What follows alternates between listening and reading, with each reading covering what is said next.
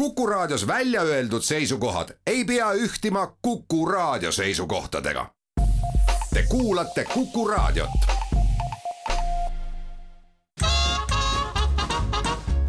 jäljed gloobusel tervist, kena tunne kohe teile tere öelda jälle. oktoober jõuab siin keskpaika ja tore on see, et Kuku raadios saavad jällegi kokku korra nädalas Väints ja Karu. suur tere ka minu poolt meil on äh, hea meel kõigepealt öelda muidugi äh, suur aitäh kõigile neile, kes on sattunud äh, meie saate Facebooki lehele ja pannud sinna likee ja hakanud meid jälgima. et suur-suur tänu, meil on väga hea meel, me, te olete ületanud meie igasuguseid ootusi, sest numbrid nagu kuussada või seitsesada või seitsesada viiskümmend on meie jaoks ikkagi hoomamatult suured, et kui teid kõiki siia kokku kutsuda, siis ma ei tea, te ei mahuks siia Postimehe majja äragi no vot ja, ja lisaks sellele, et me seal Facebookis oleme olemas, siis eh, oma arengu näitamiseks võime täna ka uhkelt öelda, et meil on nüüd olemas ka RSS ja, ja siis me oleme kuulatavad, järelkuulatavad igasugustes erinevates äh, podcast'i keskkondades. ja just, äh, sest äh, olgem ausad, mina, ma ei tea, kuidas Väint sina, aga mina kuulun kindlasti nende inimeste hulka, kellele enne, kui me hakkasime saadet tegema, RSS ei öelnud mitte midagi. aga nüüd, kui ma usun, et kuulajate hulgas on terve ports samasuguseid, nagu mina olin tol hetkel, et ma ei hakka seda tähekombinatsiooni lahti mõtestama, aga ma ütlengi väga lihtsa seletuse, et noh, see tähendabki lühidalt lühidalt põhimõtteliselt seda, et lähedki näiteks Spotify'sse, paned sinna sisse otsingusse Jäljak gloobusel ja hopsti hüppavadki kõik saated, mis on eetris olnud, hüppavad teile ette, et te saate need äh, alla laadida mõnusalt ja kuulata põhimõtteliselt äh, nii-öelda, et ei pea nii-öelda online olema või kuskil on ju, et saate kuulata täpselt siis, kui tahate ja täpselt selles kohas, kus tahate ja sellest seadmest, kus te just tahate. aga lisaks Spotify'le, mida enamus inimesi teavad, siis Overcast samamoodi, Apple Podcast ja Pocket Cast ka näiteks äh, ja tõenäoliselt on neid mõned veel, lihtsalt ma kõiki ei jõudnud isegi ära tšekata ja üle vaadata, aga need siis kindlasti ja nii et saate meid kuulata pikkadel autosõitudel või, või pikkadel tööpäevadel, kui vahepeal igavaks läheb ja kui meie eelnevas sõnavõtus nüüd esines mõningaid tehnilisi möödalaskmisi, siis antagu meile andeks, me ei ole selle ala inimesed. ja, ja, ja nüüd kõik see ka, mis me edasi räägime, sama vabandus kehtib ka selle kohta, sest noh, nagu Kuku raadio kõll ka ütleb, et Kuku raadio enda arvamused on ju ei pruugi ühtida saate inimeste arvamustega, et sama asi on ka see, et meil Väntsiga pigem juhtub niimoodi, et noh, nagu klassikaliselt öeldakse, et ega ükski fakt ei tohiks äh, segada hea loo jutustamist, nii et vahepeal äh, võite meid ka parandada ja sinnasamasse Facebooki meile kirjutada, kui me oleme millegi vastu eksinud, kuid me tegelikult seda tahtlikult ei tee, vaid vahel ongi see, et ka meile on mõni lugu täpselt niimoodi ära räägitud ja me räägime seda teile lihtsalt edasi. küll aga juhtub nii, et hakkame täiesti tahtlikult äh, täna rääkima Iraanist ja, ja väga suure tõenäosusega juhtub nii, et me sellest äh, põnevast ja, ja veidi kurju kuulutava kõlaga riigist räägime koguni kaks saadet. jah, sest äh, meil on ikkagi see komme, et me paneme enne saadet, paneme mingeid märkmeid endale kirja, kes, kes äh, nagu Väints, ma näen üle laua, suudab selle arvutis nagu kirjutada ja välja printida, aga noh, minul on printer pekkis, nii et mul on lihtsalt märkmikus ilusti pastakaga kirjutatud mõtted, millest tuleks siis rääkida, mõned faktid ja nii edasi ja, ja siis me katsume need teile edasi vahendada ja vahepeal tulevad abiks ka arvutiekraan ja, ja mis iganes muud. äh, mõni meie raamat ja kus me värskendame siis oma mälu. aga Iraan tõepoolest, äh, mina käisin seal aastal kaks tuhat kümme, olengi käinud seal ühe korra, Vänts. kahe tuhande seitsmeteistkümnendal aastal ja samamoodi ühe ainsa korra mm. -hmm võib-olla selle, selle riigi kohta nagu äh, vot see, see mõttetulek nagu, et miks üldse minna Iraani noh, ma mäletan kahe tuhande kümnenda aasta sõprade vastukajasid sellele, et kui noh, et kus sa sügisel lähed. Siis ma ütlesin, no meil on plaan, me septembris lähme, lähme, lähme Iraani, siis kõik olid, miks? miks sa lähed Iraani nagu, et seal on ju nii ohtlik. Äh, tausta võib-olla selgitades natuke on see, et äh, seoses sellega, et Iraanil ju tuli, tuli nagu mingil hetkel pähe see tore mõte, et nad hakkavad äh, uraani rikastama et siis, siis kohe nagu selle peale ju kõik läänemaailm hakkas neid sanktsioneerima. ja juhuslikult juhtus niimoodi, et kui kaks tuhat kümme aasta, siis oota kuu aega enne minekut saab viisataotluse anda, vähemalt tol ajal sai, see tähendab, et me kuskil siis augustikuus andsime viisataotlused sisse. Siis oligi napilt kaks kuud varem ehk kuskil üheteistkümnenda juuni paiku olid just uued sanktsioonid peale pandud, sest avastati, et ega see uraani rikastamine ei ole kuidagi pooleli jäänud, vaid vaikselt äh, Iraani tüübid toimetavad sellega edasi ja arvati, et noh, nüüd tuleb panna veel kõvemad pidurid peale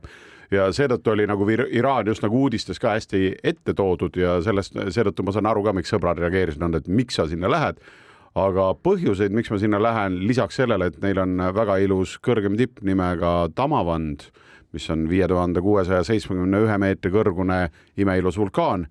siis lisaks sellele on neid päris palju, aga loome siis rahvale mingi niisuguse taustapildi ka, et kui suur see riik on, sest ta on suur, oskan ma kohe öelda. Väints oskab sinna mingid numbrid taha panna, et millise riigiga tegemist on? ja, aga enne kui ma sinna jõuan, siis ma räägin ära, miks mina sinna üldse sattusin. tegelikult meil oli plaan minna sellel aastal sõitma Lääne-Aafrika riike ja, ja, ja siis tundus see plaan väga riskantne ja ohtlik. Ja siis otsustasime, et aga lähme siis hoopis Iraani. Ja, kui sul sõbrad ütlesid, et miks sa sihuke imelik oled ja sinna ronid, siis minu hea kallis ema ütles, et mis sa sinna Iraani lähed, seal on ju sõda ja, ja noh, eks ta on ju läbi uudiste ja, ja muude telekanalite ja internetikanalite alati sellist nagu pahupoole rolli endas kandnud, noh, millel võib olla ka sulaselge tõepõhi all, küll ise kinnitada ei saa, sest meie seitsme tuhande viiesaja kilomeetri ring seal ühtegi halvaendelist äh, nii-öelda emotsiooni ei, ei loonud peale mõne arreteerimise ja veel nipet-näpet asjade. aga kui nüüd jah, tulla Iraani juurde, siis eh, kõige mõnusam oleks näiteks alustada sellega, mis on Välisministeeriumi lehe peal kirjas ja, ja seal on siis sulaselges ilusti punasega ümber joonituna, et soovitame täielikult riiki reisimist vältida, samuti vältida reisimist Iraaniga piirnevatel aladel ja alkoholi pruukimine on Iraanis keelatud, uimastitega seotud õigusrikkumiste puhul on karistuseks surmanuhtlus. nii et, et selles mõttes selline äh, näpud püsti äh, paila travel on, on tõenäoliselt sellesuunaliselt äh, kergelt pärsitud, aga mis seal ikka, selles mõttes Eesti äh, saatkonda meil seal pole, küll on meil seal au, aukonsul, kohalik mees. Ja, ja äh, Iraani suuruse mõttes on siis niimoodi, et äh, tegemist taaskord hiigelsuure riigiga, üks koma kuus miljonit ruutkilomeetrit umbes. Ja, ja seal elab kaheksakümmend kuus koma seitse miljonit inimest, on ju. Ja, ja piirneb igasuguste põnevate riikidega, seal on Aserbaidžaan, Armeenia, Türgi, siis on ka Iraak nii-öelda selle vaidlusaluse Kurdistani kaudu, Türkmenistan, Afganistan ja Pakistan ja siis kahele sellisele veekogule on neil samuti ligipääs, põhjas on neil Kaspia merega ühine väikene piirijoonekene ja lõunas Pärsia laht ja India ookean, on ju mm. -hmm ja, ja mis on veel Iraani puhul on huvitav, et, et kui me siit eh, oma Euroopa poole pealt läheme ja vaatame oma kella ja vaatame oma kalendrit, eh, millal asjad eh, peavad tehtud saama ja, ja millal reis läbi hakkab saama, siis tegelikult on selline lugu, et tegemist ei ole sealmaal sugugi mitte kahe tuhande kahekümne teise aastaga, vaid Iraani kalendri järgi on seal käimas parasjagu tuhande neljasaja esimene aasta ja, ja islami kalendri järgi tuhande neljasaja neljakümne neljas aasta ja, ja nende aastavahetus ei tasu meie maa kombel oodata kolmekümne esimese detsembri õhtul, vaid see on kevadisel pööripäeval. Nojah, ja kui rääkida, et kes seal, kes seal veel nagu elavad, et siis noh, pärslasi äh, loomulikult on kõige rohkem neid, äh, ütleme väga jämedalt, neid andmeid on erinevaid, on niisugune seitsekümmend protsenti, ütleme siis, et äh, üsna suur osakaal on ka aseritel, neid on seal niisugune peaaegu viisteist protsenti või noh, niisugune kümme-viisteist protsenti ja, ja nagu sa mainisid ka juba kurde, siis Kurdistani osa nii-öelda tunnustamata Kurdistani osa sellest riigist on ka ja seitse protsenti Iraani kodanikest tõepoolest on siis ka kurdid. lisaks mina sain reisi reisi jooksul teada, et et meile võib nagu tunduda, et noh, šiiidid on ju seal selline noh, pea üheksakümmend protsenti moslemitest on šiiidid on ju, et on üldse juhtriik nagu ši-, šiiitluse osas. Et siis, et võiks ju tekkida see mõte, et noh, et kõik seal ühtegi kristlast küll ei ole ja kristlaste suhtes on väga verised, aga uskuge või mitte et äh, ma ei mäleta, kumba pidi see oli, aga neil on ka oma väike armeenlaste kogukond seal ja on ka juudi kogukond. Ja ma ei mäleta täpselt, aga nende, isegi nende nii-öelda parlamendis sinnamaani välja, et nende parlamendis siis vastavalt oli kaks ja üks koht siis ühel ja teisel, noh, vahet pole ju kumb kummal täpselt oli, aga igatahes täitsa omad kogukonnad, armeenlastel omad kirikud äh, ja, ja omad pühakojad ka juutidel, nii et täiesti selles mõttes on äh, nad tolereerivad mingil määral siis ka teisi uskumusi. Täiesti, see, see mind isegi natukene üllatas, aga teine suur siis moslemite grupp ehk siis sunniidid, neid siis ongi praktiliselt niimoodi, et üheksa protsenti ütleme ja et üheksakümmend protsenti siis šiite, üheksa protsenti sunniite ja siis ülejäänud protsent või kaks maksimaalselt on siis kõik muud tegelinskid. küll aga on islam ametlikuks riigi religiooniks ja, ja tänavatel siis toimetavad küll väikese varjekatte all sellised kombluspolitseinikud, kes siis käivad ja ja, ja riidlevad ja, ja karistavad neid peamiselt siis naisterahvaid, kes nii-öelda traditsioonilisi ja, ja ettenähtud eh, rõivaid ei kanna, on siis kas siis või kannavad eh, valesti või kannavad valesti. Eh, noh, meie käisime seal, siis juba räägiti, et iga, iga aastaga pidi purka sentimeetri võrra tahapoole liikuma või, või ma nüüd võin eksida selle peakatte nimetuse osas, aga. no ütleme see rätik, mis pead just, katab, et ja juukseid tuleb sentimeeter, jah, kombatakse, kombatakse piire, piire ja, ja nagu nüüd praegustest uudistest võib näha, siis on see kompamine läinud juba niivõrd kaugele, et praegusel hetkel käib üks suur mäss ja, ja jama seal jälle nojah, vaata loomulikult on see niimoodi, et kui kellelegi ikka päris eh, niimoodi eh, liiga tehakse, et ta nagu oma elust ilma jääb, sellepärast et tal rätt valesti oli, siis, eh, siis noh, meile tundub see hästi loogiline, et siis on vaja tõusta tagajalgadele ja nõuda õigust. hea, et Iraanis ka selleni on jõutud. me oleme juba mõne hetke pärast tagasi teie kõrvades. jäljed gloobusel nõnna, Kuku raadio kuulaja, jäljed gloobuselt on tagasi ja jälgi teevad Vänts ja Karu ja sellel korral teeme neid jälgi sellisesse põnevasse riiki nagu Iraan. ja sina, Karu, vanem mees, varem käinud, eh, ütleme, Iraan ei ole tegelikult nagu kõige lihtsam riik, kuhu reisida, vähemalt ma oma kogemustest mäletan, aga, aga millised olid need sinu eh, viisaeelsed ja sinna minekueelsed eh, kogemused ja toimingud? Äh, ma ei mäleta, et nagu see, mida need andmed nagu, mis viisa jaoks nagu vajati, et need oleks olnud kuidagi aastal kaks tuhat kümme kuidagi väga nagu keerulised. aga ma mäletan seda, et äh, mingi, mingi teema on see ju, et, et kui sa oled nagu normaalne reisiinimene, kes on nagu reisimas käinud äh, rohkem kui ühe korra, on ju, ja kaugemal kui Balti riigid, siis kuhugi lennanud, siis sa ju tegelikult neid lennupileteid olenevalt, kui kui haige sa heas mõttes oled, on ju, noh, mõni paneb juba üle poole aasta varem kinni, mõni paneb kaks kuud varem, aga igal juhul, et see noh, pigem ma ütleks niisugune, et noh, neli kuud ette sa enam-vähem tead oma lende, mis on tulemas. näiteks suvel tead, kuhu sügisel lendad või kevade lõpus. ja siis samamoodi meie ka, et septembris tahtsime minna, siis äh, loomulikult äh, me lennupiletid ostsime ära juba kevadel me ostsimegi niisugune märts-aprill millalgi ostsime ära lennukid siis sellise loogikaga, et kõigepealt lendasime Balti õhuga siis Riiga, sealt panime edasi Moskvasse. Moskvas riiki sisse ei läinud, aga siis järgmine reis oli siis selle nii-öelda Aeroflotiga või mis iganes see seal on, sellega siis pidime lendama mõnusasti Venemaa pealinnast siis Iraani pealinna Tehranisse. ja mis seal salata, ostsime ära, endal süda muretses, sellepärast et avalduse viisa saamiseks üldse sai sisse anda Helsingis asuvasse saatkonda alles kuu aega enne, enne minekut. Mis tundus nagu nõnda, et oo, aga kui siis tuleb nagu ei vastus, kasvõi noh, me olime kuuekesi, et kasvõi ühele tuleb ei vastus, et mis siis saab, et siis nagu ongi piletid pekkis, mingit kindlustust me ei olnud tol hetkel veel teinud. Aga noh, et reeglid on sellised, siis on sellised ja siis meil läkski niimoodi, et me viisime noh, noh nii kui see võimalus oli, esimesel päeval kohe viisime ära kuu aega varem täpselt, keegi siin seal Helsingis käis, passid, kõik asjad, dokumendid, fotod, rahad, kõik asjad olid kaasas, mis vaja läheb, sellega oli kõik korras. aga siis lihtsalt ootad, ootad, ootad. Ja lõpuks oli see, et me saime kuidagi selle info sealt Helsingist, et äh, meile kõigile öeldi jah, saime kümme päeva enne reisi, kümme päeva enne lennu väljumist aga iseenesest passid ja koos, kus oli Iraani viisa sees, me saime enda kätte poolteist päeva enne äralendu, nii et olgem ausad, noh, ma, olen suht nagu rahulik muidu, aga nagu ka mina olin nagu ikka veidi mures nagu ja juba veidikene paanikas kulmuk kerkisid kõrgemale, silmad läksid natukene suuremaks juba. aga lõpuks oli siis kõik hästi ja, ja siis meil oli olemas nagu nii-öelda luba sinna riiki minna ja, ja hakkasimegi minema. kuidas sulle seitse aastat hiljem käisid sa, Väints? et kuidas teil kogemused olid riiki saamisega? ja ma olen nüüd üritanud eh, meenutada ja, ja loodetavasti ei ole aja, aeg ja, ja kõik ülejäänud riigid, mida vahepeal on külastatud, ajanud seda mälestust sassi. aga, aga minu meelest või vähemalt mul on see meeles kui selline suhteliselt keeruline eh, protsess, vähe sellest, et see saatkond ise on Helsingis siis me kõigepealt võtsime saatkonnaga ühendust, ütlesime, et meil on plaanis sinna Iraani minna, et mis peab tegema. ja siis me saime mingid taotlused ära täita, mille peale me siis pidime kuskil Iraani lehe peal tegema veel mingisuguse taotluse ja siis ootama pikka aega, kuni me sealt saime mingisuguse turistinumbri mille alusel siis sai hakata seda viisat edasi taotlema ja, ja, ja noh, muidugi sinna kirjutad nagu mutiauku, et sealt ühtegi vastust ei tule ja, ja siis lihtsalt ootad senikaua, kas hakkab vastus tulema või ei hakka.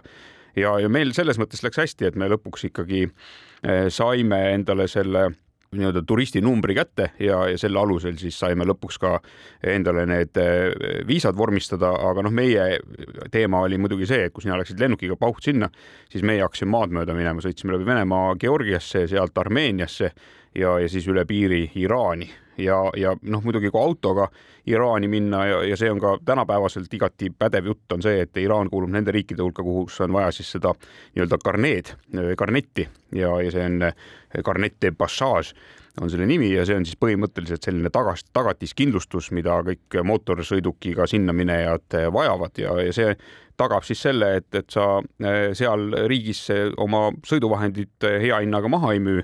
ja, ja ei jää riigimaksud maksmata ja, ja selle tulemusena tegelikult on see, et või noh, selle saamiseks on vaja siis kõigepealt Euroopas olevale agentuurile kanda ära see tagatisraha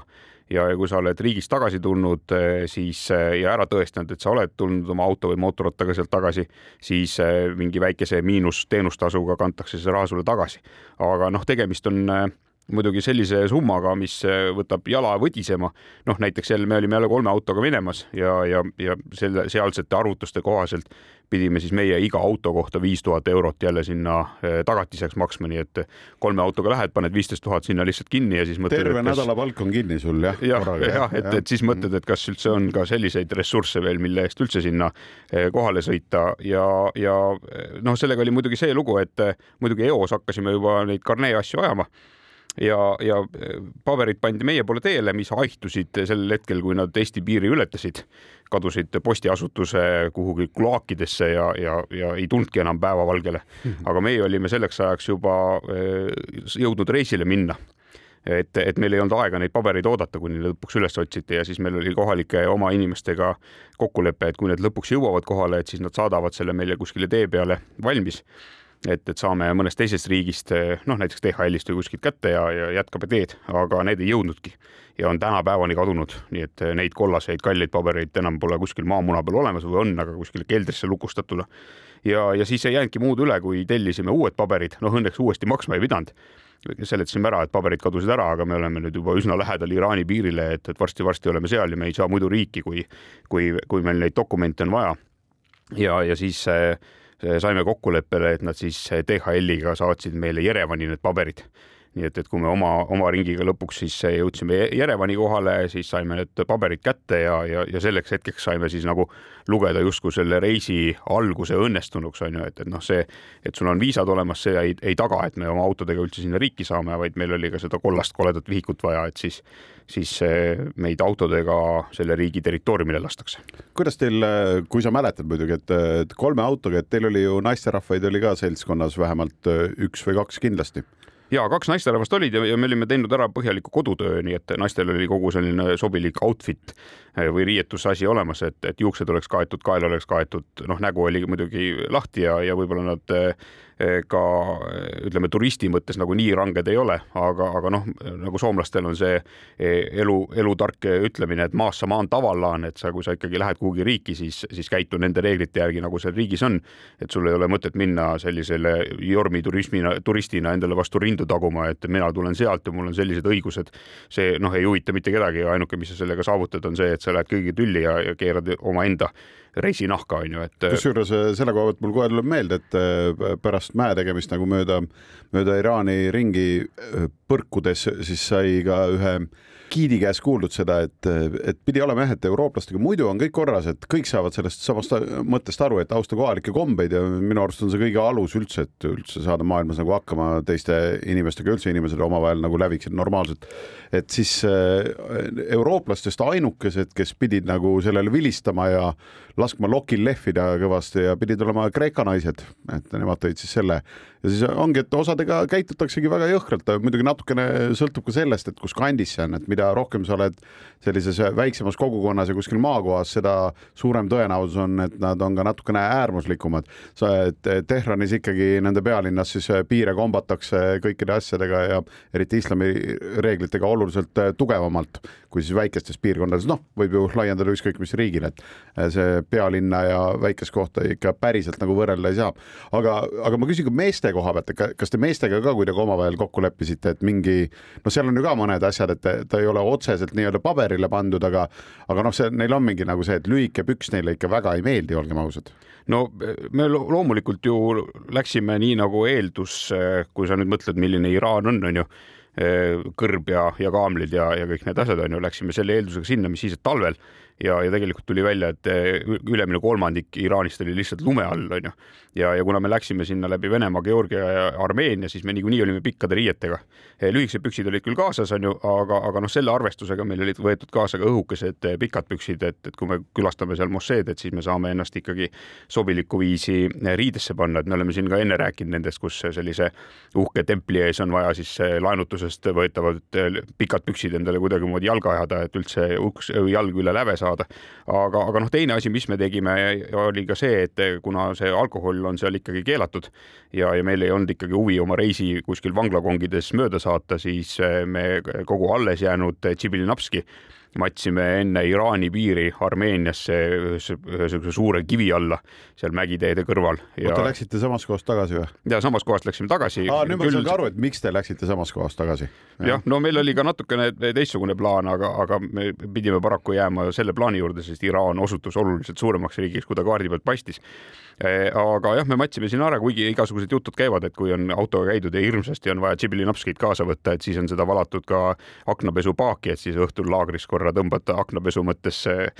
suunad juga ja, ja, ja saad oma väikse annuse sealt kätte, aga, aga noh, sellega me ei hakanud eh, riskima, sest eh, noh, kui nüüd päris ausalt öelda, siis me ikkagi tegelikult läksime sinna Iraaniga tutvuma ja, ja Iraaniga tutvumine on, on oluliselt avaram vaatamine, kui kuskil vangikongis istuda. nojah, see ka, et täpsustame siis kuulajale ära, et noh, et Väntsi näol tegemist ei ole alkohoolikuga, vaid lihtsalt napsusõbraga, et kes hea meelega tarbib, aga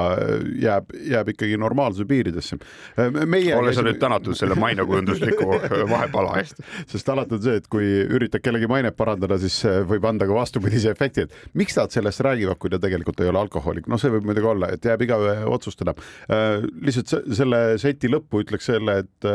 meie käisime nagu nii-öelda võib nimetada noh, septembri algus ikkagi niisugune suvine aeg või septembri keskpaik ka. et meil oli ka see, tüdrukutega meil oli kaks naist ja neli meest grupis ja naistega oli väga ilusti see ära räägitud, see juba lennukis enne maandumist nii-öelda, kui Moskvast lendasime siis äh, sinna Teherani poole või Tehran, nad ise ütlevad vanast ajast, meil on jäänud see Teheran. Et siis Teheranisse lendasime, siis natuke enne maandumist see muutus lennukis toimubki, et kõik naised äkki hakkavad oma juukseid kinni katma ja kaelasid ja nii edasi ja sätivad ennast ornungisse ja, ja üks asi ka veel, et alkoholi näiteks äh, lennul äh, Tehranisse siis Aeroflot ka ei paku. see on äh, tõenäoliselt üks väheseid liine, kus see lennufirma siis ei paku mingeid jook, jooke, et ja täitsa arusaadavatel põhjustel, aga oleme tagasi mõne hetke pärast. jäljed gloobusel jäljed gloobusel taas eetris ja Väints ja Karu on mikrofonide taga. täna räägime sellisest tohutult suurest riigist nagu Iraan, mis on äh, tuntud maailmas äh, osade jaoks nõnda nagu väikse miinusmärgiga, osade jaoks väga plussmärgiga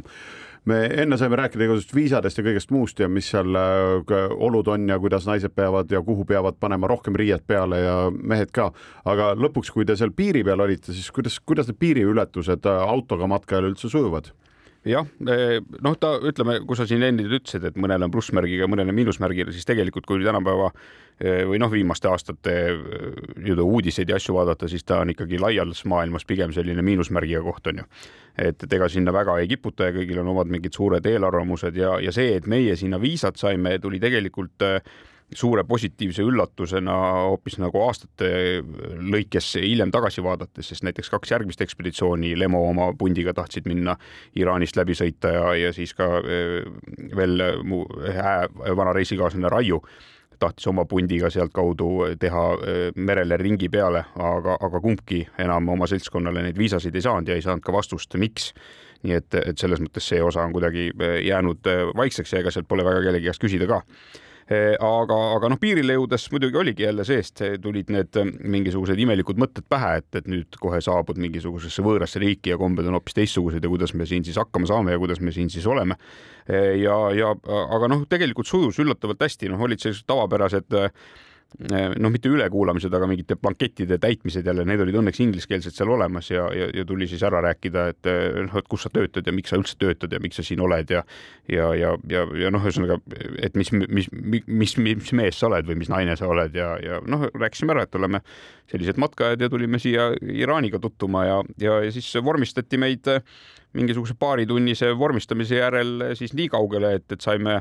saime siis kakskümmend dollarit maksta näo kohta veel mingisugust kohalikku kindlustust, mis pidi inimese kohta olema, et, et tegemist on ikkagi mingisuguse riigiga, kus midagi võib juhtuda. et, et siis korjati igaks juhuks kakskümmend dollarit ära ja öeldi, et tere tulemast. ja, ja olgu nüüd õpetuseks öeldud siis nendele inimestele, kes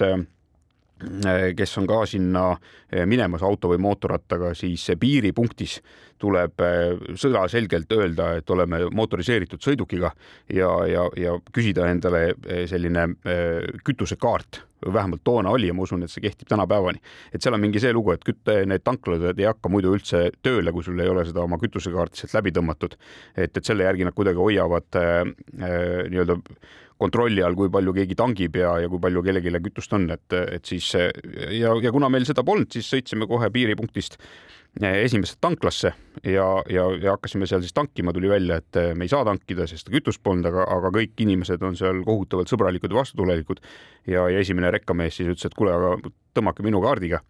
et, et siit saate küll, onju, ja, ja siis äh, lasime paagid täis senikaua, kuni kütus voolas paaki, üritasime välja arvutada, palju see kütus siis äh, maksab. Ja, ja tuli välja, et äh, kuna meil ei olnud seda kaarti, vaid kasutasime selle teise mehe kaarti, siis me pidime maksma sinna tanklasse ikkagi selle nii-öelda äh, võõra inimese tasu järgi, mis siis arvestuslikult oleks olnud kaksteist senti liiter diislil. Ja, ja kui me oleks selle kaardiga tankinud, siis oleks olnud kohaliku tasu järgi kuus senti liiter. aga, aga noh, ega me nüüd selles oh, mõttes ei olnud väga mures selle, selle poole kallima kütuse hinna pärast, sest see tundus ka nii naljakas, et lase või katusepoks täis või yeah., või et, et, et sõida palju jaksad, aga noh, hiljem ütleme seal lõuna poole minnes meil ikkagi sattus tee peale ka selliseid tanklaid, kus ei olnud ühtegi, ühtegi teist inimest Eh, ühtegi rekkameestega, kes oleks oma kaarti andnud ja, ja, ja ka tanklamehel enda kaart ei, ei, ei olnud kasutatav enam, et siis me olime paar korda ikka selle kütuse hankimisega päris hädas, nii et, et kui piiri peale satute, siis kindla peale küsige eh, seda kütusekaardi teemat ka. No me, meie piiriületus oli siis lennukiga, noh, ma enne juba rääkisin, et noh, et enne maandumist siis äh, Aerofloti lennukis hakkas aktiivsem tegevus naisterahvaste hulgas just, kes katsid oma juukseid kinni ja kaela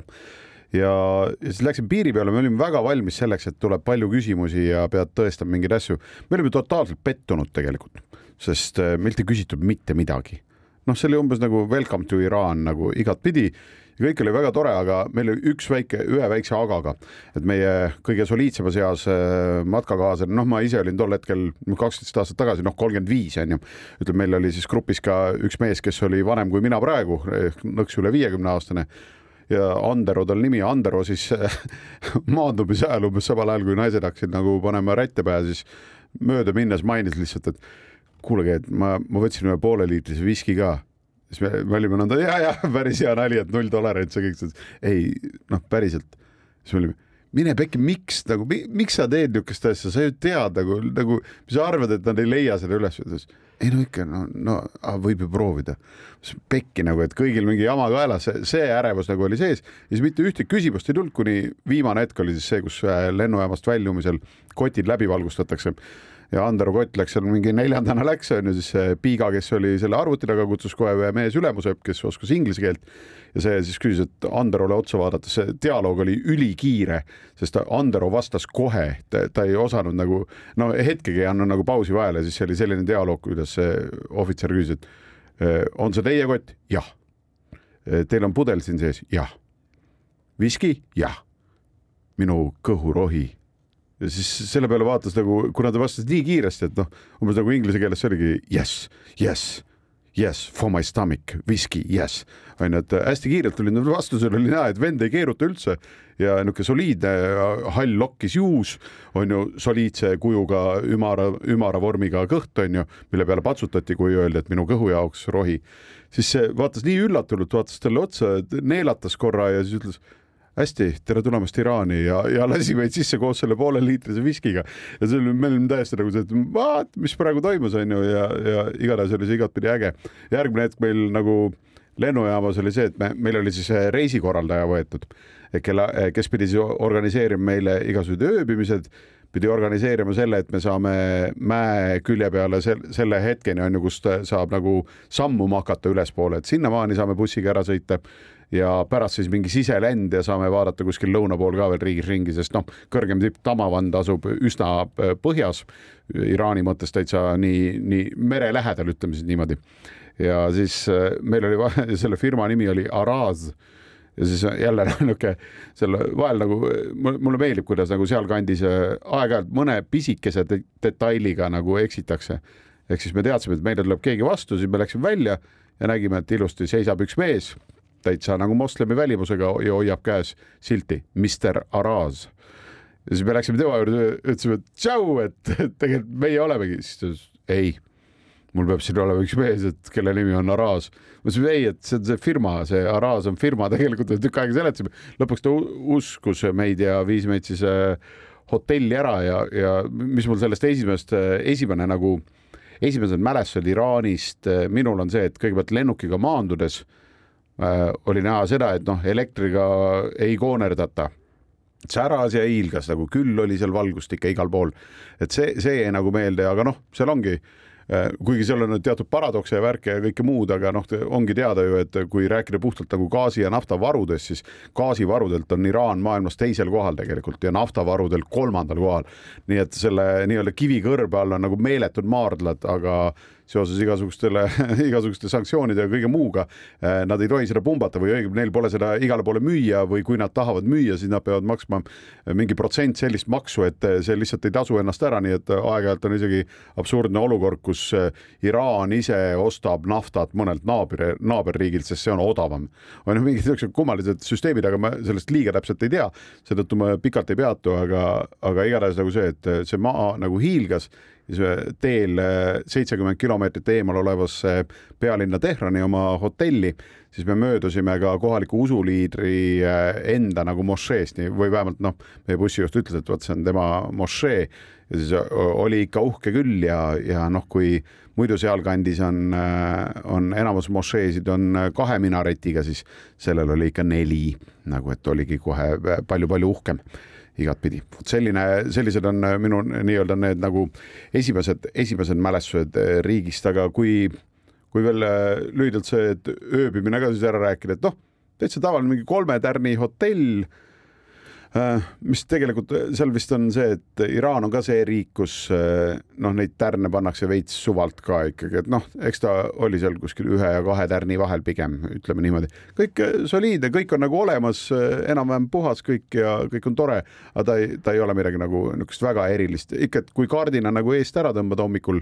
siis äh, võid äh, rahulikult äh, süveneda mustritesse kahe meetri kaugusel olevas betoonseinas, on ju, mis sinu aknast paistab, et midagi muud sa sealt tihti ei näe, on ju. aga muidu süüa saab, nälga ei sure hommikusöögilauas ja nii edasi, aga, aga noh, niisugune lihtne, tore ja samas mingi, mingi kummaline niisugune muretuse tunne on seal ka samas kui me oleme hetke pärast tagasi, siis me räägime sellest, kuidas Väintsi all oleva auto rattad Iraani pinna all edasi veeresid. jäljed gloobusel. Raadio Kuku kuulaja, paus on läbi ja Jäljed gloobusel on saade, mis taas teie kõrvadesse hakkab siit vaikselt viisi jõudma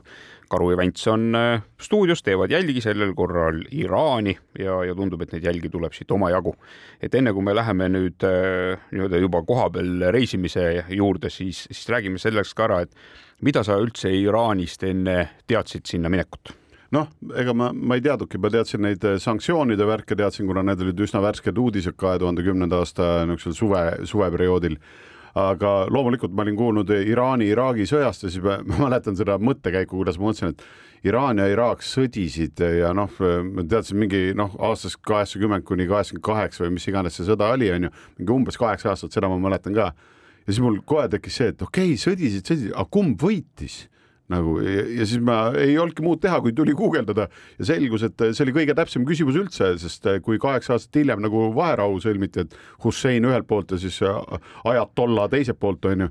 et siis mõlemad riigid, mis sest, et Iraan oli vist kaotanud nelisada tuhat äh, lange,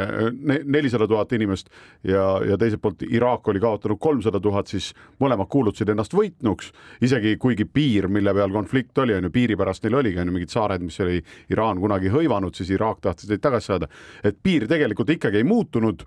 seitsesada tuhat inimest oli surma saanud, mõlemad kuulutasid ennast võitjaks, nii et noh, mingis suhtes nagu niisugune väga see Pärsia rahvastele omane niisugune selline, et no nii, kaupleme kasvõi selle üle, et kumb võitis sõja, sa arvad, et sina võitsid, no kuule, vaatame ikka üle nüüd äkki mulle tundub, et mina võitsin, et no mingis suhtes sellele piirkonnale väga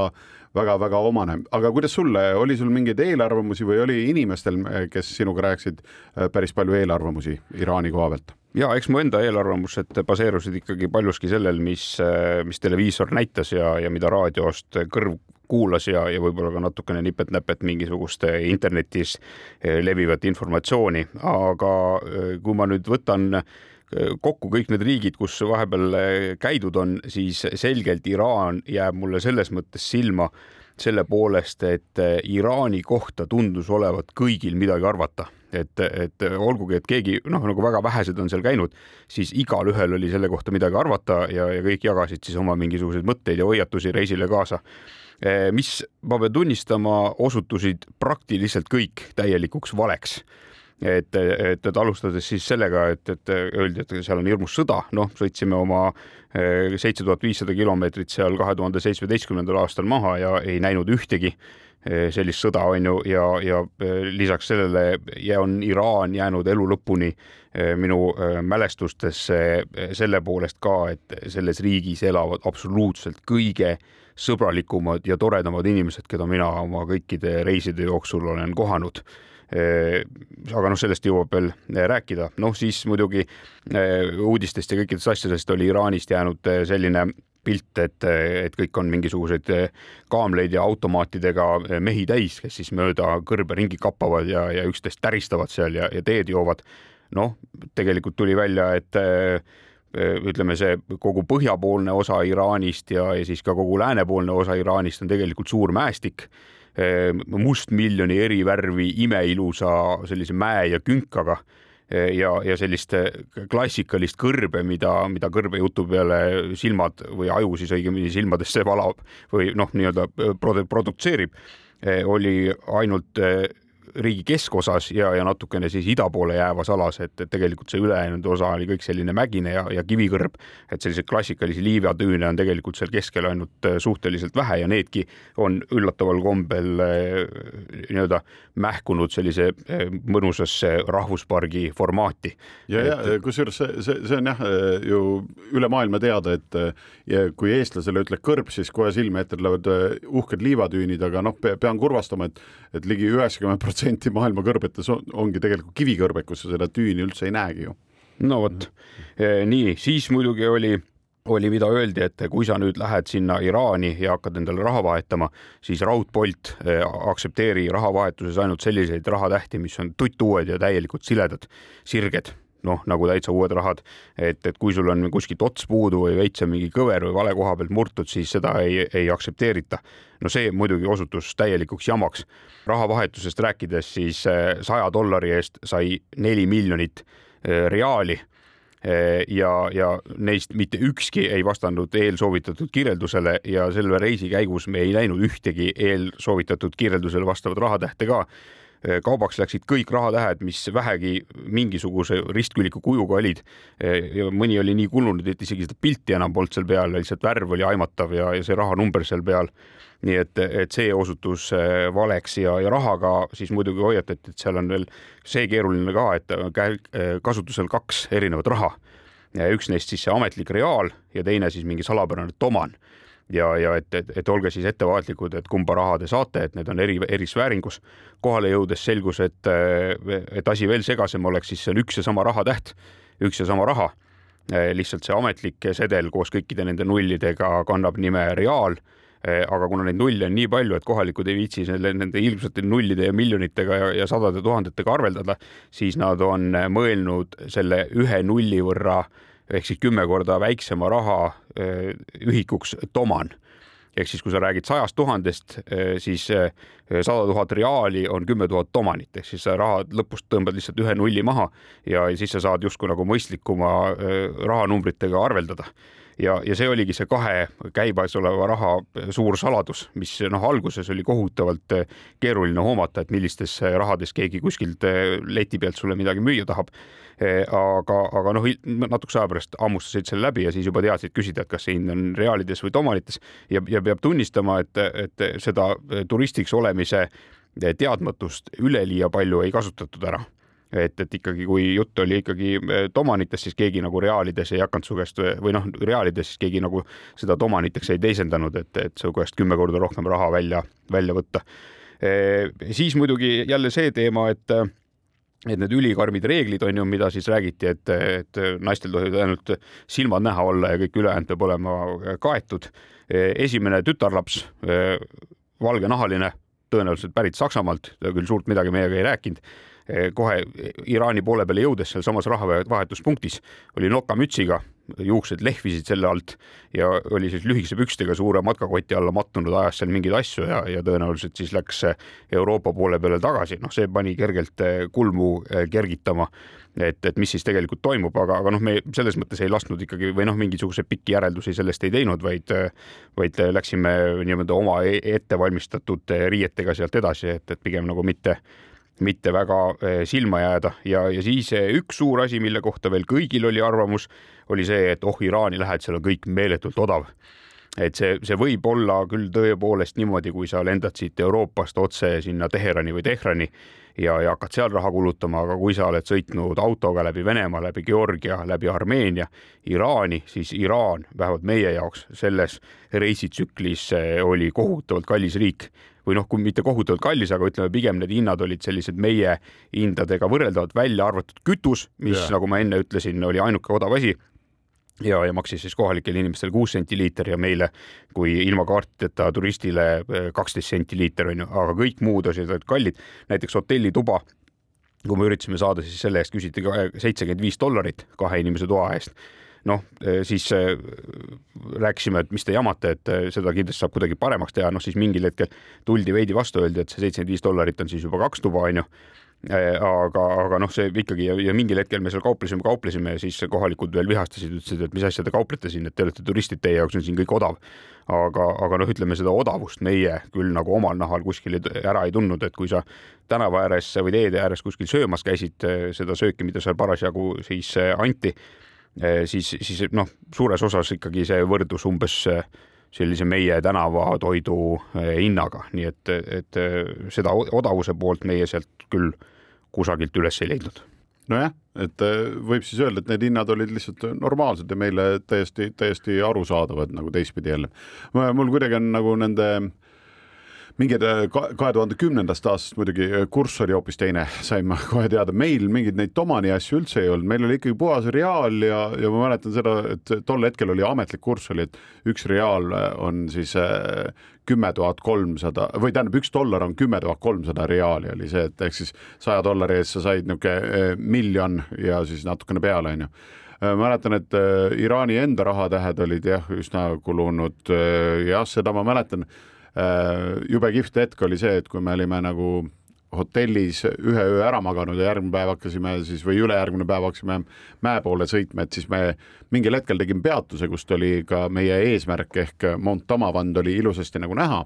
Ja tegime nagu pilti mäest ja samal ajal ostsime mingit leiba, mida hästi õhukest niisugust ja mingit Povidlo sarnast asja, mis oli pressitud niisuguste nelja millimeetri pakkust, paksusteks lehtedeks, jube maitsev niisugune nagu ploomivärk ja siis vaatasime seda Tamavandi mäge, jube tuttav, me ei olnud äh, nagu Tamavandi pilte hullult nagu vaadanud ja siis tundus nagu selle nurga alt kuidagi jube tuttav see mägi. Ja hetk hiljem siis nagu leiba ostes avastasime, et aa, lihtsalt see, selle mäe pilt on kümne tuhande reaalise peal, nii lihtne oligi, et sellepärast ta meile juba tuttavaks oli saanud. me rääkisime Iraanist ühe saate, me ei jõudnud isegi kõrgemasse tippu, me ei jõudnud kuhugi mujale, ma pean ütlema, äh, kui ma vaatan üle laua Väntsile praegu otsa, siis äh, tal silmad säravad, mis tähendab seda, et talle hirmsasti meeldib Iraan ja meeldib Iraanis ka rääkida, ma pean ütlema, et minul on sama lugu, sest Iraan absoluutselt kuulub nende riikide top kümnesse, kuhu ma iga kell olen valmis tagasi minema maailmas ja, ja miks see nii on, sellest me saame siis jätkata nädala pärast. Äh, me proovime panna üles ka mõned pildid kindlasti oma Facebooki lehele, nii et käige Facebookis Jäljak loobusel kui olete meie jälgija või olete like'i pannud, siis jõuab see info, kui me oleme midagi üles pannud, kindlasti ka teieni. ja kuulake meid siis kas äh, järele või kuulake erinevates podcast ides, me oleme nüüd RSS-i õnnelikud äh, ka kaastöölised nii-öelda, ehk siis meid saab kuulata igal pool ja, ja uute kohtumisteni ja teate siis juba ette, et kahekümnendal oktoobril Väints ja Karu saates Jäljak loobusel räägivad Iraanist edasi. just, nädala pärast jätkame iraniseerimisega ja seniks püsige avarad. jäljed gloobusel